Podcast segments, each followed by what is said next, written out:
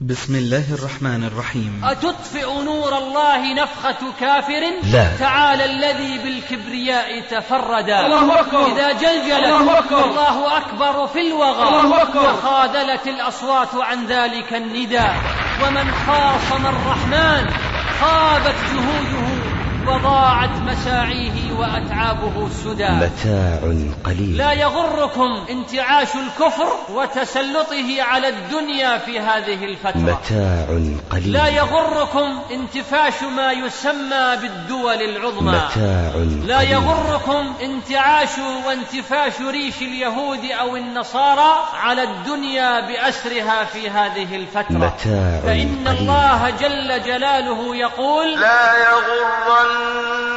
يغرنك تقلب الذين كفروا في البلاد. متاع قليل. متاع قليل. متاع قليل ثم مأواهم جهنم. ثم مأواهم جهنم وبئس المهاد. فكيف تقارن يا أخي الحبيب خمسين سنة. أو مئة سنة؟ سيطرت فيها حضارات زائفة. مادية منحرفة. وتنسى عشرة قرون. كان المسيطر هو دين الله. وشرع الله والتوحيد. ملكنا هذه الدنيا قرونا وأخضعها جدود خالدون وسطرنا صحائف من ضياء فما نسي الزمان ولا نسينا. ملكنا هذه الدنيا القرونا وأخضاها جدود خالدون وسطرنا صحائف من ضياء فما نسي الزمان ولا نسينا. فما نسي الزمان ولا نسينا. أمتي كالغيث لا يدرى خير أوله أو آخره. فأوله خير وحق وعدل وآخره خير وحق وعدل. أوله أبو بكر وعمر وعثمان وعلي وآخره عيسى بن مريم والمهدي الذي يملأ الدنيا قسطا وعدلا كما ملئت جورا وظلما ألا إن نصر الله قريب حق كم دفن الناس من طاغية حق كم دفن الناس من محارب لله ولرسوله حق. كم دفن الناس من زنديق حق. كم دفن الناس من كافر حق. كم دفن الناس من ملحد حق. كم دفن الناس من علماني منافق حق. فرعون مضى. هولاكو مضى. كيس خان مضى. وقرون بين ذلك كثيرا حتى رموز الكفر والضلال. في هذا الزمان سوف يأتي يوم ويدفنهم أصحابهم. متى؟ فقط متى؟ صبر جميل. واستعانة بالله. والله غالب على أمره. ولكن أكثر الناس لا يعلمون. ألا إن نصر الله قريب والذي يريد أن يواجه الإسلام مسكين. والذي يريد أن يحارب الإسلام مسكين. هذا مسكين. مسكين. مثله كمثل الصبي الذي يريد أن يوقف السيل بيده أو كالذي يريد أن يحجب أشعة الشمس بيديه الضعيفة. ربما. ربما يقتل أناس من هذه الأمة وهذا صحيح. ربما. وربما تباد جماعات ومجتمعات وهذا أيضا صحيح. ربما. وربما تسقط دول وتذهب أسماء وشعارات. أيضا هذا صحيح ولكن- لكن الإسلام باق.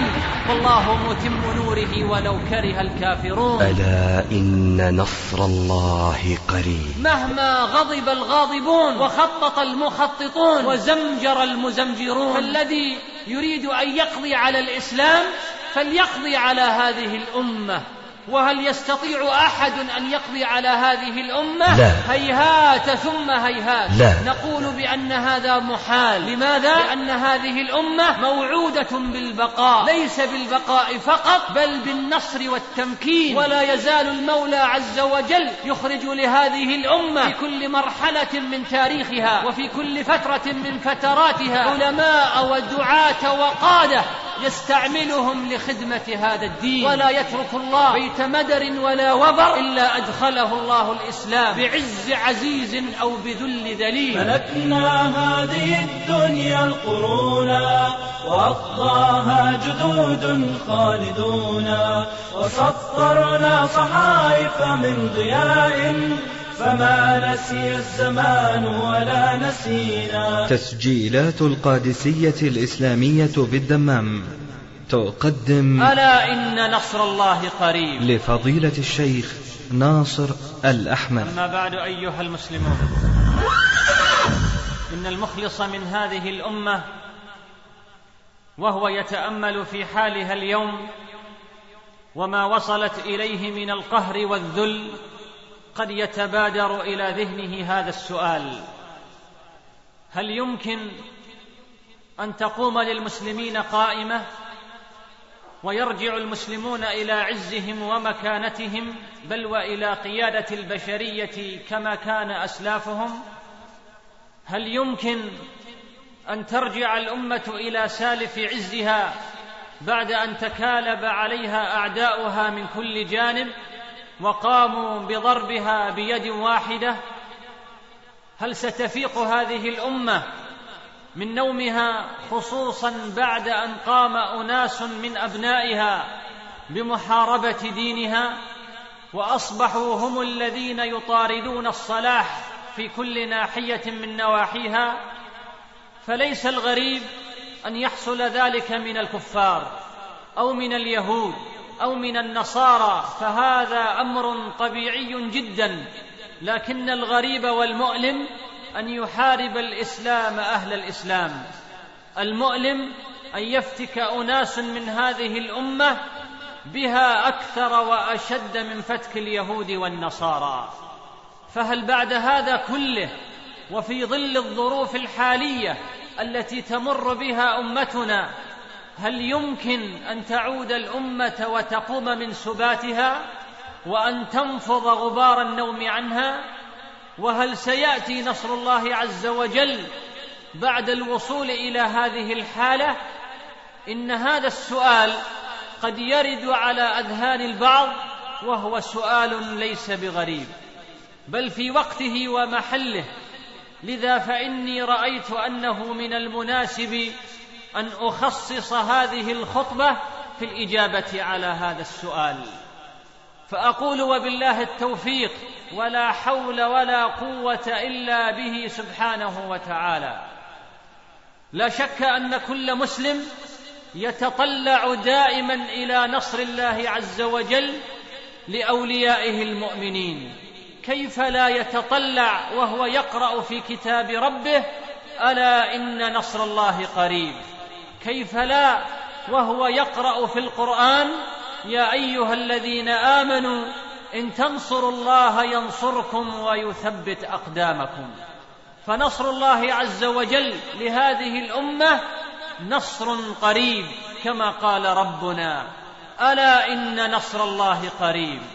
فكل لحظة من حياتنا وكل ذرة من ترابنا وكل شيء في حياتنا تؤكد معنى هذه الآية ألا إن نصر الله قريب. أيها المسلمون لا بد أن نعلم بل نعتقد بأن الحق والعدل أساس في هذا الكون وأصل في بناء السماوات والأرض. والدنيا بدأت بالحق وستنتهي بالحق ويوم القيامة يتجلى الحق في أعلى وأجل صورة.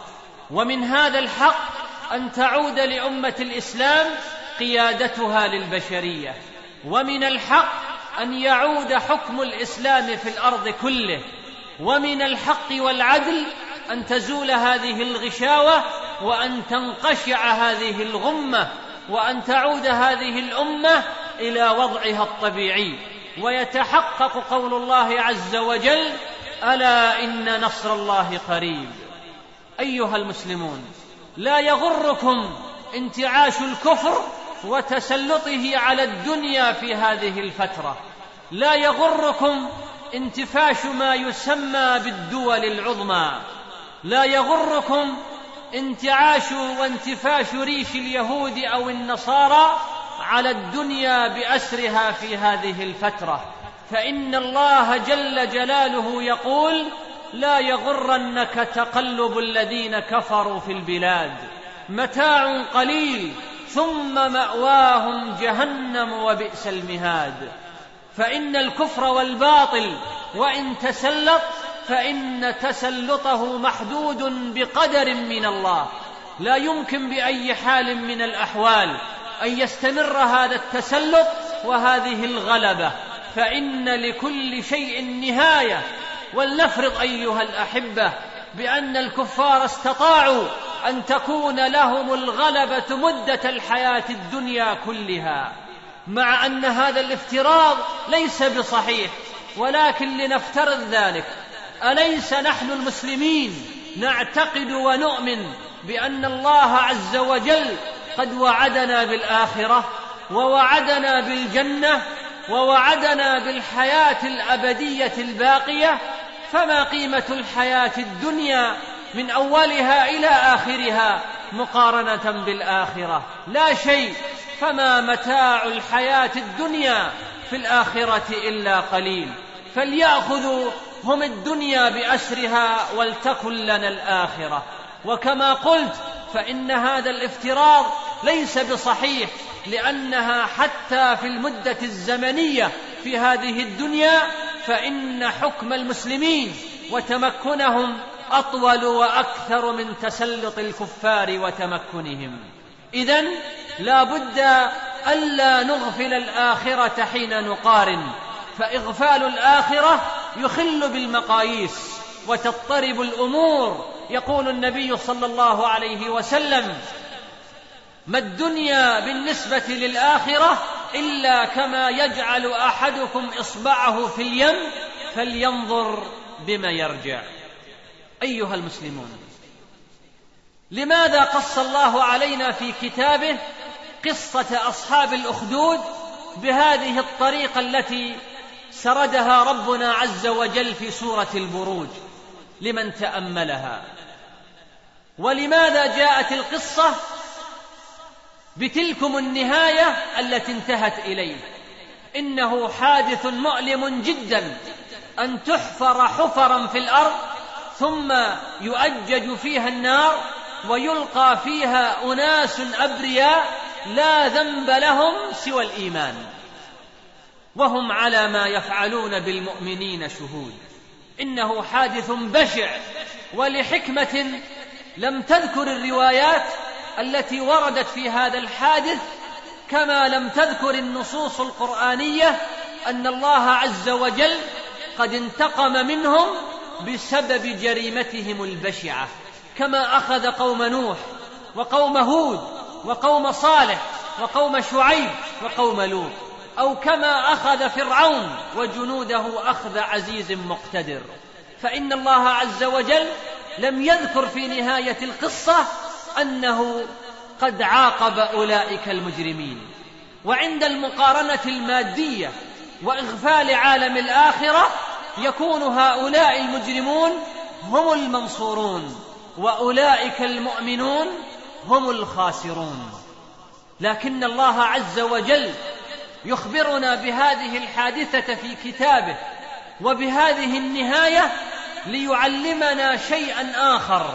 وليكشف لنا عن حقيقة أخرى قد نغفل عنها وهو أن الحياة الدنيا وسائر ما يلابسها من لذائذ وآلام ومن متاع وحرمان ليست هي القيمة الكبرى في الميزان وليست هي السلعة التي تقرر حساب الربح والخسارة والنصر ليس مقصورا على الغلبة الظاهرة فهي صورة واحدة من صور النصر الكثيرة. إن القيمة الكبرى في ميزان الله عز وجل هي قيمة العقيدة.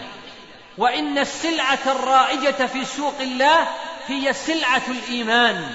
وإن النصر في أرفع صورة هو انتصار الروح على المادة وانتصار العقيدة على الألم وانتصار الإيمان على الفتنة. ولم تعد مجال المعركة هو الأرض وحدها وليس هو الحياة الدنيا وحدها. وشهود المعركة ليسوا هم الناس في جيل من الأجيال بل إن الملأ الأعلى يشارك في أحداث الأرض ويشهدها ويشهد عليها. وما نقموا منهم إلا أن يؤمنوا بالله العزيز الحميد الذي له ملك السماوات والأرض والله على كل شيء شهيد. فالله عز وجل هو شهيد على هذه الحادثة. وهكذا اتصلت حياة المؤمنين في الأرض بالحياة الباقية الخالدة في الملأ الأعلى. واتصلت الدنيا بالآخرة. ولم تعد الأرض وحدها هي مجال المعركة بين الخير والشر والحق والباطل والإيمان والطغيان. ولم تعد الدنيا هي خاتمة المطاف ولا موعد الفصل في هذا الصراع. لقد انفسح المجال في المكان وانفسح المجال في الزمان وانفسح المجال في القيم والموازين واتسعت آفاق النفس المؤمنة وكبرت اهتماماتها فصغرت الأرض وما عليها والحياة الدنيا وما يتعلق بها. وكبر المؤمن بمقدار ما معه من إيمان غيبي وما عرف من الآفاق وما يتعلق بالحياة الآخرة. إن الذين فتنوا المؤمنين والمؤمنات ثم لم يتوبوا فلهم عذاب جهنم ولهم عذاب الحريق.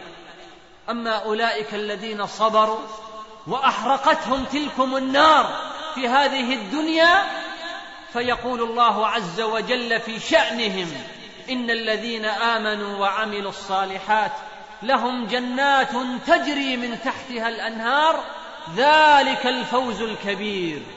هذا هو الميزان ذلك الفوز الكبير إن بطش ربك لشديد. أيها المسلمون قد يقول لنا الكفار أنتم تتسلون بهذا الكلام. وتسلون أنفسكم بعدما رأيتم بأننا قد هيمنا على الشرق والغرب وقبضنا زمام هذه الدنيا وصار كل شيء تحت تصرفنا. أصبحتم تقولون بأنكم تنتظرون الجنة وأن الآخرة أفضل من الدنيا وأن الدنيا لا تقاس بالآخرة وأن نعيم الكفار في الدنيا وأما نعيمكم أنتم المؤمنون ففي الآخرة. فأنتم تسلون أنفسكم بهذا الكلام لأنكم عاجزون أن تصلوا إلى ما وصلنا إليه. فيقال أيها الأحبة ردا على هذه الشبهة وإن كنا نتسلى بهذا الكلام لكنه حساب منطقي جيد حتى في نظر غير المؤمنين. حتى في نظركم أنتم أيها الكفار. ألم تر أن الكفار هم أنفسهم يرضون أحيانا بذل مؤقت طمعا في نصر كبير؟ نعم الكفار أنفسهم يرضون أحيانا بذل مؤقت طمعا في نصر كبير خصوصا إذا توقعوا أن بعد هذا الذل فوز أكبر منه. فلماذا تعيبون علينا نحن المسلمين إذا وقعنا تحت قهر وذل خارج عن إرادتنا ونحن موعودون بنعيم وفوز أعظم وأكبر من الدنيا كلها؟ ولأضرب لكم مثالا يوضح هذه القضية وليكن المثال في الكفار أنفسهم. ولنختر اليهود بالذات لأنهم حديث الساعة هذه الأيام وكل الأيام. ولنرجع قليلا مع التاريخ إلى الوراء إلى أيام أزمة الخليج. لماذا لم ينتقم اليهود إذا كنتم تذكرون من الصواريخ التي أرسلها النظام العراقي والتي أصابت بعض المواقع في تلك الأزمة وحققت بعض الخسائر عند اليهود. خسائر في الأرواح فضلا عن الخسائر المادية. لماذا رضي اليهود بذلك الذل المؤقت ولم ينتقم من العراق؟ هل عجزا؟ الجواب لا. هل خوفا؟ الجواب أيضا لا. لكنهم رضوا بذلك الذل المؤقت طمعا في تحقيق نصر أكبر. ولعل الأحداث بعد ذلك كشفت عن المكاسب اليهودية من ذلك السكوت ومن ذلك الذل المؤقت. ماذا كان يحصل لو أن إسرائيل ردت على العراق في تلك الفترة؟ الصاع صاعين لا أريد أن أدخل في علم الغيب والعلم عند الله عز وجل لكني أطرح سؤالا. هل مشروع السلام كان سيتم وبعد انتهاء أزمة الخليج بعجرها وبجرها بهذه السرعة وبهذه الموافقة الجماعية من دول الجوار؟ لو أن حربا جديدة قامت بين العراق وإسرائيل أترك الجواب لكم. أيها الأحبة في الله إذا كان هذا في المقاييس المادية فما بالكم بالمقاييس الأخروية؟ فإن التضحية من أجلها والصبر لها أجل وأوضح. هذا جانب واحد وهو جانب قياس الدنيا بالآخرة. جانب آخر. النظرة إلى الدنيا لوحدها. حتى لو نظرنا إلى الدنيا لوحدها وأغفلنا جانب الآخرة على فرض وكما قلنا بأن هذا الفرض ليس بصحيح فإننا نجد بأن دين الله عز وجل كان هو الغالب وكان هو المسيطر مدة أطول مقارنة بتسلط الكفار. هل تعلم أن بعد آدم عليه الصلاة والسلام بقي الناس على التوحيد مدة عشرة قرون؟ كما قال ذلك ابن عباس رضي الله عنهما في تفسير قول الله تعالى كان الناس أمة واحدة قال ابن عباس كان الناس بعد آدم عليه السلام عشرة قرون كلهم على التوحيد. فكيف تقارن يا أخي الحبيب خمسين سنة أو مئة سنة سيطرت فيها حضارات زائفة مادية منحرفة وتنسى عشرة قرون كان المسيطر هو دين الله وشرع الله والتوحيد. كذلك أيضا بعد بعثة محمد صلى الله عليه وسلم كم مكثت هذه الأمة المحمدية أمة ظافرة منتصرة منصورة. بقيت هذه الأمة أكثر من اثني عشر قرنا وهي أمة ظافرة منتصرة منصورة. بيدها تدبير كثير من أمور حتى الأمم الكافرة.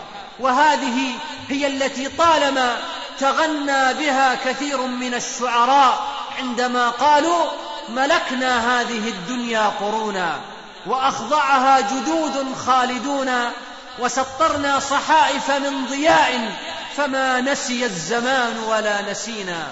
حملناها سيوفا لامعات غداة الروع تأبى أن تلينا.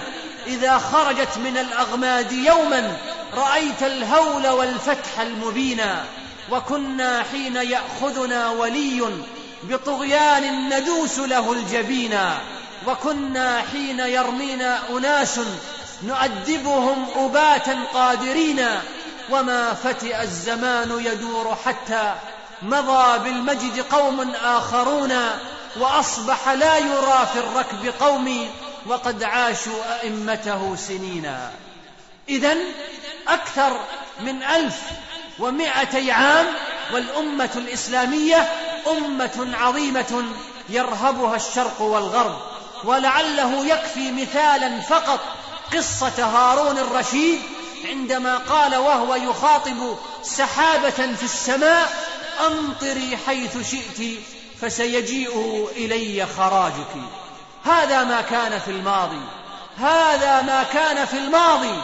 أما عن مستقبل هذه الأمة فبعض ما أخبرنا به رسول الله صلى الله عليه وسلم عن المعركة الظافرة الفاصلة مع اليهود على نهر الأردن كما حدد النبي صلى الله عليه وسلم عندما قال أنتم شرقية وهم غربية حتى يقول الشجر والحجر يا مسلم يا عبد الله هذا يهودي ورائي فتعال فاقتله وأيضا من دلائل نصر هذه الأمة في آخر الزمان. نزول عيسى بن مريم عليه الصلاة والسلام على المنارة البيضاء شرقي دمشق وتجمع المسلمين عليه. وأيضا من دلائل النصر في آخر الزمان. خروج المهدي وقيادته لهذه الأمة كما ورد في عدد من الأحاديث الصحيحة وأيضا من دلائل النصر. قول النبي صلى الله عليه وسلم أمتي كالغيث لا يدرى خير أوله أو آخره. فأوله خير وحق وعدل وآخره خير وحق وعدل. أوله أبو بكر وعمر وعثمان وعلي وآخره عيسى بن مريم والمهدي الذي يملأ الدنيا قسطا وعدلا كما ملئت جورا وظلما. اذا لا يجوز أن نقارن لحظة معينة من عمر التاريخ وننسى الماضي كله والمستقبل كله. فهذه اذا أمة منصورة بإذن الله عز وجل. وتسلط الكفار في هذا الوقت إنما هو تسلط مؤقت بقدر من الله عز وجل. ولحكمة منه سبحانه وتعالى. ودين الله غالب وتحقق ما وعدنا به رسولنا صلى الله عليه وسلم. لا شك فيه عندنا وهو جزء من عقيدتنا. ولا بد أن يتحقق قول الله جل جلاله ألا إن نصر الله قريب. والله غالب على أمره ولكن أكثر الناس لا يعلمون. ومن المسلمات عندنا أيضا إضافة إلى ما تقدم أن هذه الأمة فيها خير كثير وهذه الأمة منصورة بإذن الله تعالى فقط تحتاج إلى من ينفض عنها الغبار والذي يريد أن يواجه الإسلام والذي يريد أن يحارب الإسلام هذا مسكين مثله كمثل الصبي الذي يريد أن يوقف السيل بيده. أو كالذي يريد أن يحجب أشعة الشمس بيديه الضعيفة. أيها المسلمون ربما يقتل أناس من هذه الأمة وهذا صحيح وربما تباد جماعات ومجتمعات وهذا أيضا صحيح وربما تسقط دول وتذهب أسماء وشعارات أيضا هذا صحيح. لكن الإسلام باق والله متم نوره ولو كره الكافرون. كيف لا؟ وقد قال الحق سبحانه هو الذي أرسل رسوله بالهدى ودين الحق ليظهره على الدين كله ولو كره المشركون. أيها المسلمون إن هذا الدين هو سر هذه الأمة وروح هذه الأمة. إن هذا الدين هو سر بقائها ووجودها. إن هذه الأمة إنما خلقت للإسلام. هذه الأمة وجدت للإسلام مهما غضب الغاضبون وخطط المخططون وزمجر المزمجرون. فالذي يريد أن يقضي على الإسلام فليقضي على هذه الأمة. وهل يستطيع أحد أن يقضي على هذه الأمة؟ هيهات ثم هيهات. نقول بأن هذا محال. لماذا؟ لأن هذه الأمة موعودة بالبقاء. ليس بالبقاء فقط بل بالنصر والتمكين. ولا يزال الله جل جلاله يغرس لهذا الدين غرسا يستعملهم في طاعته. ولا يزال المولى عز وجل يخرج لهذه الأمة في كل مرحلة من تاريخها وفي كل فترة من فتراتها علماء ودعاة وقادة يستعملهم لخدمة هذا الدين. ولا يترك الله بيت مدر ولا وبر إلا أدخله الله الإسلام بعز عزيز أو بذل ذليل. عزا يعز الله به الإسلام وأهله وذلا يذل الله به الكفر وأهله. كم دفن الناس من طاغية؟ كم دفن الناس من محارب لله ولرسوله؟ كم دفن الناس من زنديق كم دفن الناس من كافر كم دفن الناس من ملحد كم دفن الناس من علماني منافق. فرعون مضى هولاكو مضى جنكيز خان مضى وقرون بين ذلك كثيرا. حتى رموز الكفر والضلال في هذا الزمان سوف يأتي يوم ويدفنهم أصحابهم. فقط صبر جميل واستعانة بالله والله غالب على أمره ولكن أكثر الناس لا يعلمون. أيها المسلمون إن هذا الدين هو كلمة الله عز وجل ومثل كلمة طيبة كشجرة طيبة أصلها ثابت وفرعها في السماء تؤتي أكلها كل حين بإذن ربها ولا إله إلا الله هي كلمة الإسلام. ومن ذا الذي يستطيع أن يطفئ وهج ونور هذه الكلمة؟ أتطفئ نور الله نفخة كافر؟ تعالى الذي بالكبرياء تفردا. إذا جلجلت الله أكبر في الوغى تخاذلت الأصوات عن ذلك النداء. ومن خاصم الرحمن خابت جهوده وضاعت مساعيه وأتعابه سدى. أيها الأحبة في الله قد يضعف المسلمون فترة من الزمان وقد يضطهدون لكن النهاية لهم بإذن الله عز وجل. وهناك أمثلة من واقعنا المعاصر. اليهود مثلا ألم يعيشوا فترة طويلة من الزمن في ذل وضعف واضطهاد والآن أعطوا بعض التمكين المؤقت واستطاعوا أن يقيموا لأنفسهم دولة أصبحت كالشوكة في المنطقة وهذا بقدر من الله عز وجل. فلنثق يا عباد الله بوعد الله فلنثق أيها الأحبة بوعد الله ولنثق بوعد رسول الله. وهذا لا يعني أن يجلس المسلم ويضع يديه على خده ينتظر نزول عيسى ابن مريم أو خروج المهدي أبدا. هذا ليس بصحيح ولا يقول ذلك عاقل. لكن المسلم بل المسلم يعمل ويعمل ويعمل لخدمة هذا الدين. ومتى ما نزل عيسى ابن مريم أو خرج المهدي فكلنا جند من جنودهم. اللهم وأبرم لهذه الأمة أمر رشد. يعز فيه أهل طاعتك.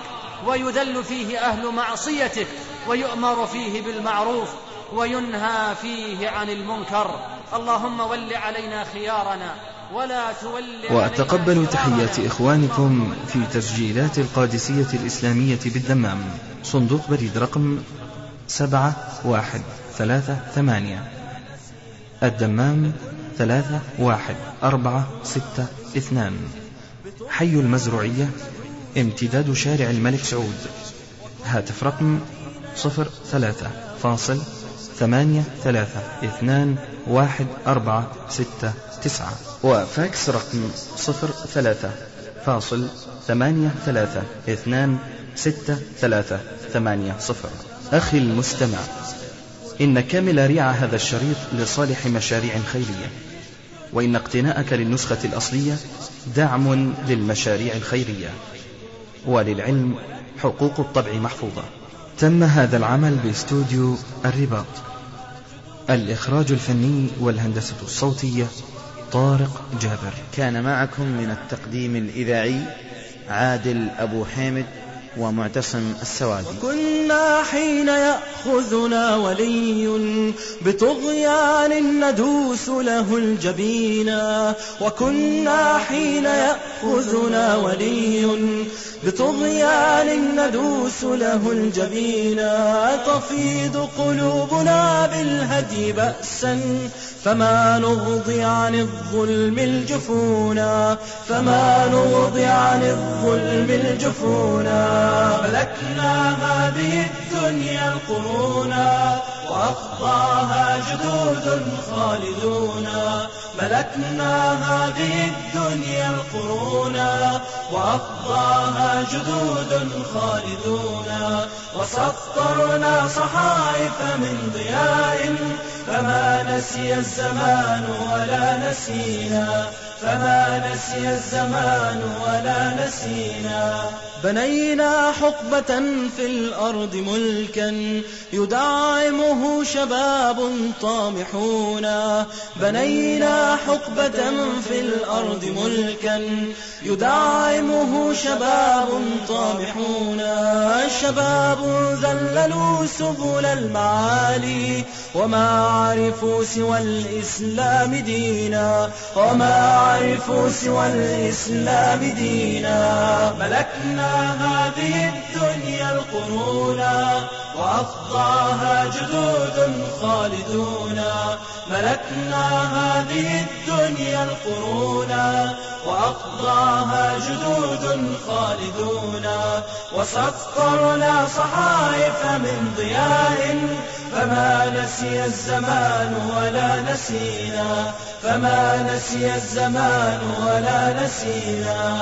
تعهدهم فأنبتهم نباتا كريما طاب في الدنيا غصونا. تعهدهم فأنبتهم نباتا كريما طاب في الدنيا غصونا. إذا شهدوا الوغى كانوا كماتا يدكون المعاقل والحصونا يدكون المعاقل والحصونا ملكنا هذه الدنيا القرونا أخي المستمع نصيحة. استمع لهذا الشريط. بسم الله الرحمن الرحيم. أيها الليل رد قلبي فإني, فإني طال شوقي وما أطيق قعودا. لوعات في الفؤاد تنسل نارا إن الإسلام قادم. إن الإسلام قادم بإذن الله تعالى لأنه الدين الذي ارتضاه الله للبشرية دينا. إن الدين عند الله الإسلام. فيا فارسا ها قد أطل زمانه. تعالى فما كل على الصبر يصبر. المستقبل لهذا الدين. صرح باب الفاتيكان. استغاثة. هيا. تحركوا بسرعة لوقف الزحف الإسلامي الهائل في أنحاء أوروبا. المستقبل إن المستقبل المستقبل كل المستقبل للإسلام. لهذا الدين. وإن تأخر النصر وطال الطريق. ولكن متى يحدث ذلك؟ ليس المهم متى يحدث ذلك. إنما المهم أنه سيحدث وعد صادق. وخبر يقين. وكان حقا علينا نصر المؤمنين. بشرى. أي المدينتين تفتح أولا؟ بشرى. أقسطنطينية. بشرى. أم رومية. بشرى. فقال النبي صلى الله عليه وسلم مدينة هرقل تفتح أولا. وقد جاءت البشائر النبوية أيضا بشرى. بأن للمسلمين بشرى. صولة وجولة بشرى. وملاحم عظيمة مع الروم بشرى. تكون فيها الغلبة للمسلمين فيا سبحان الله فيا المستقبل سبحان الله المستقبل إنه دين الله لهذا الدين لا تقوم الساعة حتى يقاتل المسلمون اليهود فيقتلهم المسلمون حتى يختبئ اليهودي من وراء الحجر والشجر. فيقول الحجر والشجر يا مسلم يا عبد الله هذا يهودي خلفي تعال فاقتله فلتهبوا إلى الجهاد وسيروا كي تلاقوا كما لقيت الخلود. لقد شاء الله وقضى أن يقوم هذا الدين على أشلاع وجماجم أوليائه وأحبابه وعلى أن توقد مصابيح الهداية بدم الشهداء الأبرار الذين يشرون الحياة الدنيا بالآخرة. ولكن من معنا؟ معنا الله جل جلاله. ويا لها من معية كريمة جليلة مباركة. والله غالب على أمره ولكن أكثر الناس لا يعلمون. حرائق كاليفورنيا. ولكنكم تستعجلون. الغواصة الروسية. ولكنكم تستعجلون. أعاصير أوروبا. ولكنكم تستعجلون. تحطيم الأصنام. اللهم انصر المجاهدين في الشيشان. اللهم انصر المجاهدين في الشيشان. إنك على كل شيء قدير. وهذا غد الإسلام في الأفق يخطر. تسجيلات القادسية الإسلامية بالدمام. الدمام فلتكن تقدم المستقبل دينك لحمك. لهذا دينك الدين عرضك. لفضيلة دينك الشيخ دمك. ناصر الأحمد. أما بعد أيها المسلمون كثيرا ما يردد على أسماع المصلحين والدعاة وطلاب العلم بأن المستقبل لهذا الدين